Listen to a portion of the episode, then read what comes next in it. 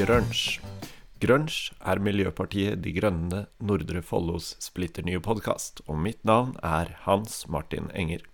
I Grunge vil vi stille de store spørsmålene til smarte folk som vi tror kan hjelpe oss med å finne svarene på dem.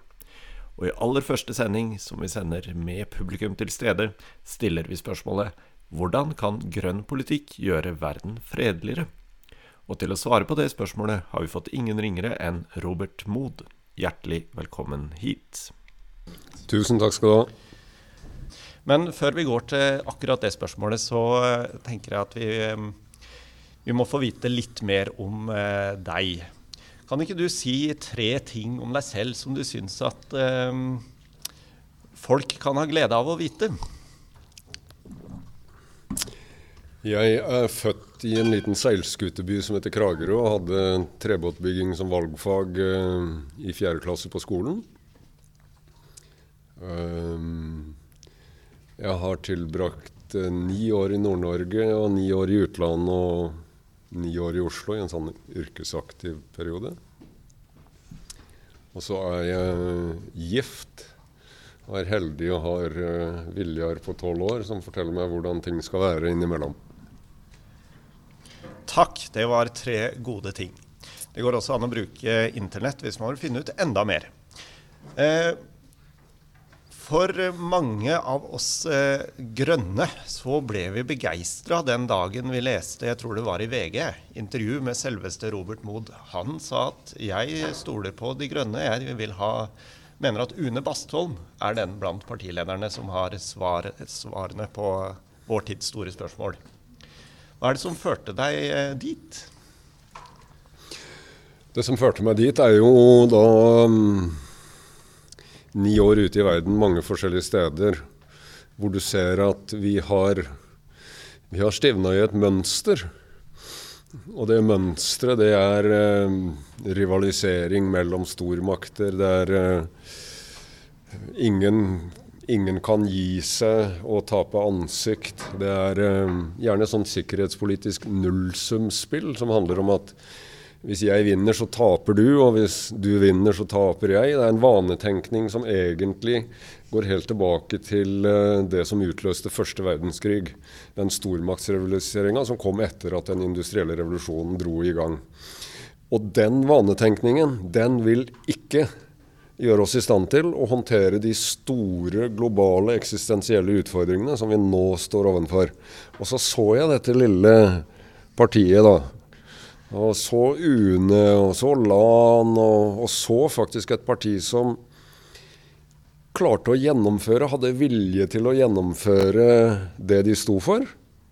Og som ikke var en del av det politiske spillet på samme måten som andre etablerte partier. Og da tenkte jeg her, her er det partiet som jeg har lyst til å heie på og bidra til å løfte fram.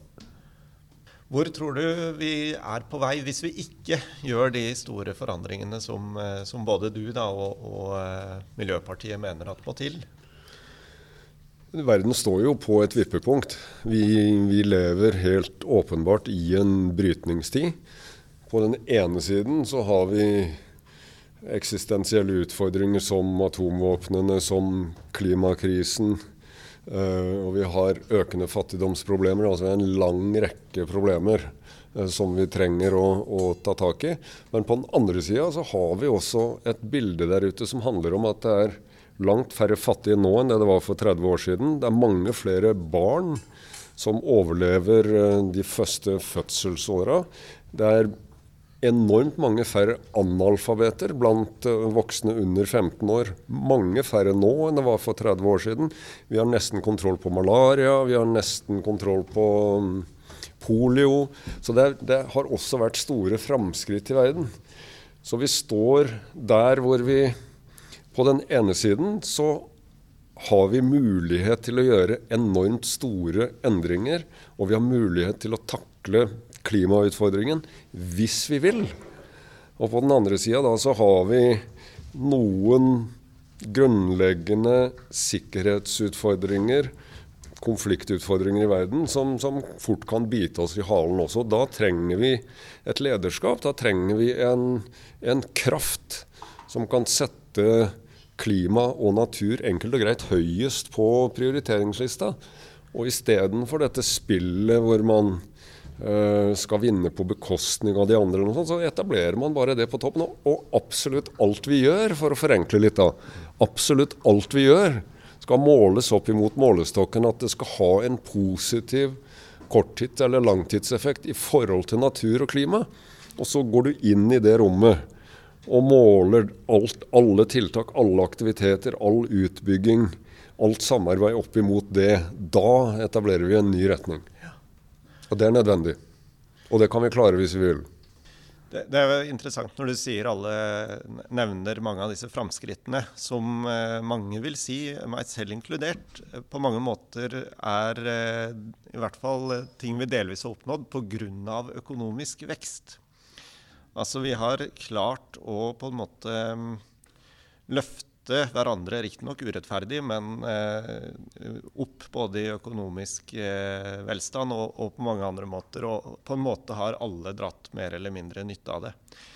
Men det er jo dessverre sånn at den økonomiske veksten eh, gjør eh, Den henger jo sammen med at vi bruker verden som om den er en kake som stadig blir større og større og som vi forsyner oss mer og mer av. Og det har jo fungert uh, usedvanlig godt uh, i en del av tiårene gjennom det forrige århundret. Men akkurat det du sier med at nå er vi der på, på at vi må sette naturen og klimaet først, uh, er jo nettopp svaret på det at den kaka blir faktisk ikke større og større. Vi har gravd dypere og dypere inn i den, men den blir borte etter hvert. Men eh, det store spørsmålet som, eh, som, jeg nevnte på forhånd her, det var jo nettopp eh, hvordan kan grønn politikk gjøre verden til et fredeligere sted? Eh, har du noen tanker om det? Ja, det går an å, går an å snakke lenge om det. Ja, det, det viktigste er jo det vi har snakka om nå. ikke sant? Det viktigste er at du starter med å erkjenne den situasjonen vi er i og at vi ønsker å gå i en ny retning og får på plass politikere, samarbeid mellom stater, internasjonale organisasjoner som er villige til å gjøre det.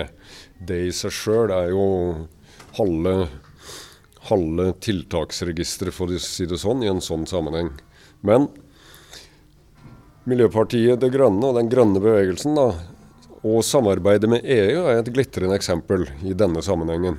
Hvor øh, man er på vei inn i et mye mer offensivt samarbeid om å sette klima foran og hensynta klima i alle aktiviteter, alle prosjekter og alt det der, enn det, man, enn det veldig mange i Norge er klar over. For det er faktisk slik at det er EU som drar Norge etter seg i klimatiltakssammenheng. Og det vil jo igjen bidra, da. Og det, det prosjektet som EU har på gang nå, som skyter fart voldsomt med kretsløpsøkonomien, ikke sant? som er en ny måte å tenke på. Hvor du går bort fra bruk og kast, og du går bort fra det at vi, økonomien vokser og vokser, og vi får økt og akselererende økning i materiell velferd, men vi må finne den her bærekraftige balansen på sikt. ikke sant? Der er også EU en drivkraft. Og øh, det er også en, et, eh, et, en diskusjon og samarbeid mellom de grønne partiene i Europa, hvor man skal konsentrere seg om en miljøvennlig utbygging av infrastrukturen i hele Europa, slik at du binder dette kontinentet sammen. Det er, noe, det er den, bare den snevre delen med samarbeidet med EU. Men det er jo grunnlaget for at de grønne partiene, Miljøpartiet De Grønne, skal jobbe forebyggingsrelatert på alt vi gjør i en internasjonal sammenheng. Og da er vi inne i det som vil forebygge, for da handler det om flom, det handler om brann, det handler om ørken, tørke, og det handler om i konfliktområder å legge mye mer vekt på å jobbe forebyggende. Da snakker vi om observatører, vi snakker om dialog, vi snakker om alle disse tingene. Og samtidig jobbe direkte med kraft fra det 1% av brutto nasjonalprodukt, som er foreslått på toppen av sant, eh, den eh, hjelpa vi har ute i dag. Som da skal gå også til miljøtiltak der ute. Og disse tiltakene kobla sammen med at det er jo en målsetting for oss å sørge for at barn og unges deltakere blir et bærende prinsipp. Gjennom disse her eh, elementene der så vil du skape en bevegelse og skape fremgang som vil håndtere kriger, konflikt, katastrofer, konsekvensen av katastrofen på en mye, mye bedre måte enn det vi gjør i dag. Vi ser jo noen ganger at uh, kraftige miljøtiltak, enten det er i Norge eller i, uh, i uh, EU eller i Frankrike, det, det vekker en slags kraftig motstand også. ja. og det, det, er litt sånn Sier litt imot det du sier nå, da, om at man kan på en måte løfte hverandre i en slags solidaritet. Men, men det oppstår noen konfliktlinjer. Vi, og jeg syns absolutt vi opplever det i Norge også, mellom de som vil ha uh, raske tiltak raskt, og de som da reagerer med motstand og la oss fortsette som før-holdning. Mm. Det hender jeg har tenkt innimellom at hos en del så bunner det om, og særlig min generasjon, fra 60 og oppover om dere vil, min generasjon, vi vet, vi vet at vi har mye å være stolt av. sant? Vi har vært med og skapt mye av det som gjør det mulig å ha verdens beste utgangspunkt. Men vi vet også at vi har faktisk forsømt å ta vare på den her, den her kloden vi bor på. ikke sant? Vi vet at vi forsøpler havet, vi vet at vi forbruker naturen. vi vet, Og det Jeg tror det at en del av disse la meg kalle det gamle gretne gubber i alle aldre og alle kjønn som eksisterer, og som jeg møter i mine kommentarfelter innimellom, de, jeg, jeg, tror faktisk innerst inne så vet de, så har de en slags dårlig samvittighet, for de vet at vi har rett. Altså De vet at flere og flere som begynner å si at dette, dette må vi slutte med, vi må sette en ny kurs, vi må jobbe på en annen måte. De vet innerst inne at det er rett. Og så reagerer man da ut fra en sånn litt sånn dårlig samvittighet og alt det der, og så blir det så blir det enda mer aggressivt da i noen av disse kommentarfeltene. Måten jeg håndterer det på, da. Eh, jeg er ganske aktiv i sosiale medier eh, på en del områder. Måten jeg håndterer det på, er at jeg er forsøker i alle fall så godt jeg kan å være ytterst høflig og avmålt. Men jeg kommenterer også de som kjefter meg opp, da. Men jeg, jeg, til dags dato så tror jeg ikke jeg har bitt på liksom Sant? Ikke bitt på å slå hardt tilbake igjen, eller uh, være sånn sarkastiske personangrep. Alt det, men prøver å være Og som regel, det er ganske pussig, men det er litt tidkrevende, som regel etter uh, en sånn åtte, ni, ti kommentarer fram og tilbake, så kommer de jo i vår retning. Da, da, roer man seg litt ned. og så, Ja, jo da, jeg må jo være enig i det at uh, da vi vokste opp i Kragerø, så var jo altså reketrålerflåten ute i Skagerrak alt dette, det var jo Kutt trålen, hiv det på havet, så er vi kvitt, og vi ser det aldri mer. Altså det, det, er jo den kulturen som Jo da, da etter hvert altså kommer de til at jo, vi er nok litt der. Og disse elvene fulle av plast i Asia som man ser bilder av, som, som er jo helt tragisk. ikke sant? En del av den plasten kommer jo faktisk fra oss. Og så sier de jo da, det, dette må vi kanskje gjøre noe med. Og så kan vi være blodig uenige om akkurat hvordan og i hvilket tempo. Men det er iallfall min løsning, da. Ja. Jeg kjenner meg litt igjen i det. Måten å oppføre seg i kommentarfelt. Jeg tilbringer for mye tid der sjøl òg. Eh, og jeg tenker ofte at jeg skriver egentlig ikke så mye nødvendigvis for den jeg diskuterer med alltid, når det er de jeg er mest uenig med, men mye for de andre som leser. Men, ja, helt enig. Ja, men likevel så får jeg litt den opplevelsen det gjør at man møtes uh, møtes litt mer enn der man var ved første kommentaren. Ja. Og sånn er det jo egentlig alltid når noen snakker sammen. Så hvis det starter i ytterpunktene, så klarer man som regel å forenes. Uh, to av de mest inspirerende mm, bevegelsene som jeg kjenner til, det er eh, Greta og klimastreikerne på den ene siden. Mm. Ingen overraskelse. Og så er det på en måte besteforeldrenes klimaaksjon i den andre. Eh, og jeg som en som nå trygt tør å plassere meg et sted midt imellom de to stedene, så uh, tenker jeg at uh, det er bra å se at begge de trekker i samme retning. Eh, og egentlig ja, med veldig lik motivasjon, selvfølgelig, men et utrolig godt motsvar da, til den, den, litt sånn staheten som mange andre av oss igjen i alle aldre og av alle kjønn sitter på og stritter, stritter mot. Og de er for øvrig, hvis jeg kan skyte inn det, besteforeldrenes klimaaksjon, de er uh, interessert i å være aktive i uh, valgkampen fremover. Mm. Jeg har fått lov å være med de på et par arrangementer i vinteren som gikk, og de er jo veldig fremoverlent og veldig aktive. Mange lokalsamfunn. Det er spennende. Ja, det er veldig fint. Så egentlig de som mangler, mangler skikkelig trøkk, det er det er oss i midt imellom, kanskje. Ja, vi, ja vi, må, vi, må, ha med oss de, da. Og der, der kan du jo si altså nå Noen vil jo si da at partiet har gjort et valg. ikke sant? Vi har valgt å være mer sånn konfronterende og, og rendyrke på en sånn eh, en profil som setter det litt på spissen. ikke sant? Det er det noen beskylder oss for i disse dager. Um, for å bruke det i valgkampsammenheng, mens andre igjen sier at uh, vi burde ha vi burde ha forsøkt å få tak i alle disse, alle disse andre velgerne. Um, for jeg for min del, da, jeg er nok der at jeg tror det er veldig mange i det store rommet som er klar til å hoppe ned fra gjerdet og konkludere med at eh, vi må altså Det er der det starter. Vi må ta vare på kloden, på naturen, på klimaet på en annen måte enn vi har gjort før. Og jeg er villig til å prioritere, jeg er villig til å underordne meg tiltak i systemsammenheng som uh, ivaretar det. Mange er der. Og da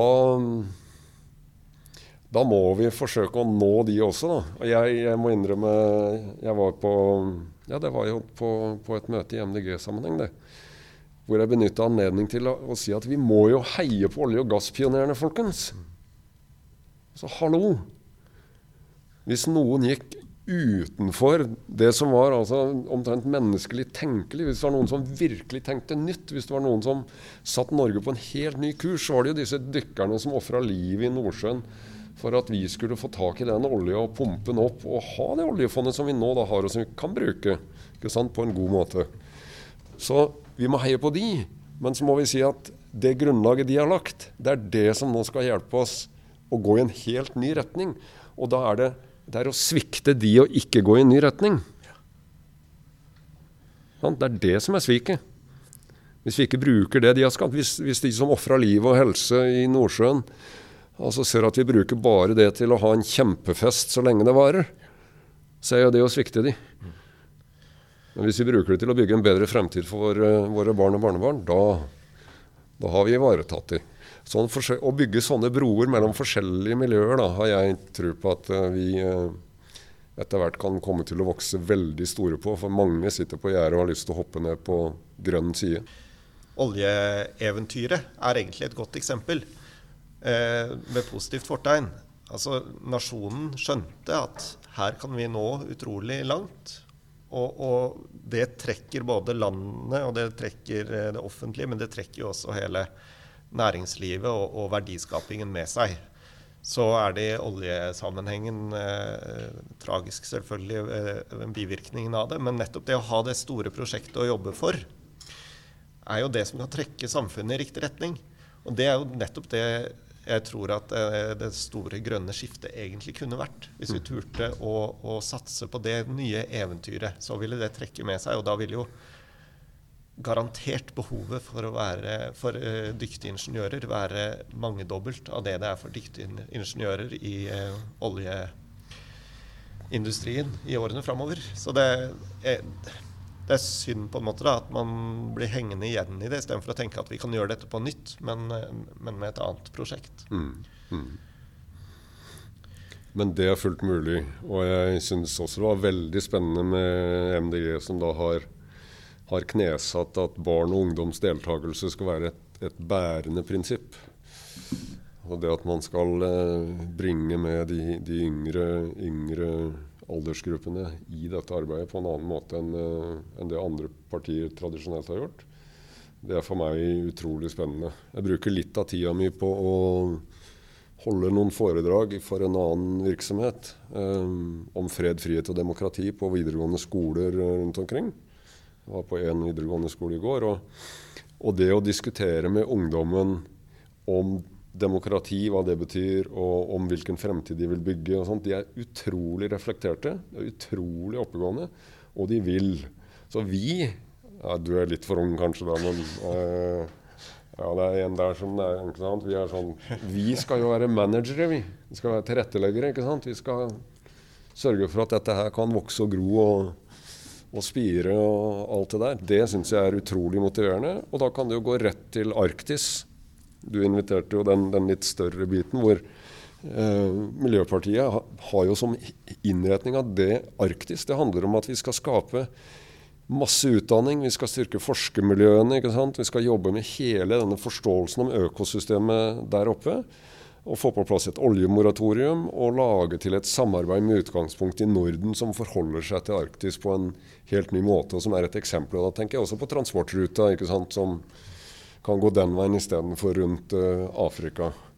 Uh, og når du får får ungdommen kobla inn i den type problemstillinger i et parti som viser, har vist i Oslo, at den er i stand til å gjennomføre det man sier at man vil gjennomføre, og så begynner folk å klappe litt forsiktig, og så klapper de litt mer etter hvert.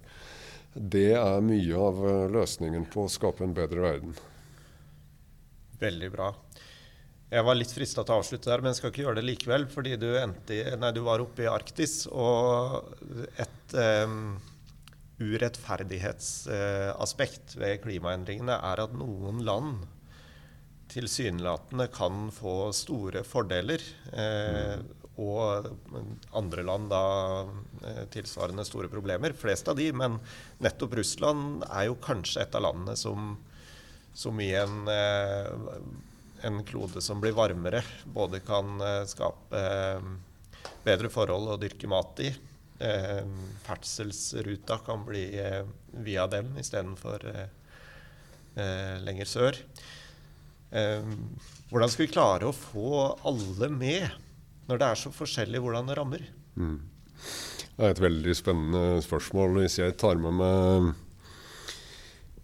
hvis jeg tar med meg erfaringen fra FN-arbeid og i og for seg også Røde Kors og det, det har fått lov å, å gjøre av spennende ting, så, vil jeg trekke fram begrepet 'eksempelets makt', som, eh, som vi kalte det. Og en, en, god rollemodell, om du vil.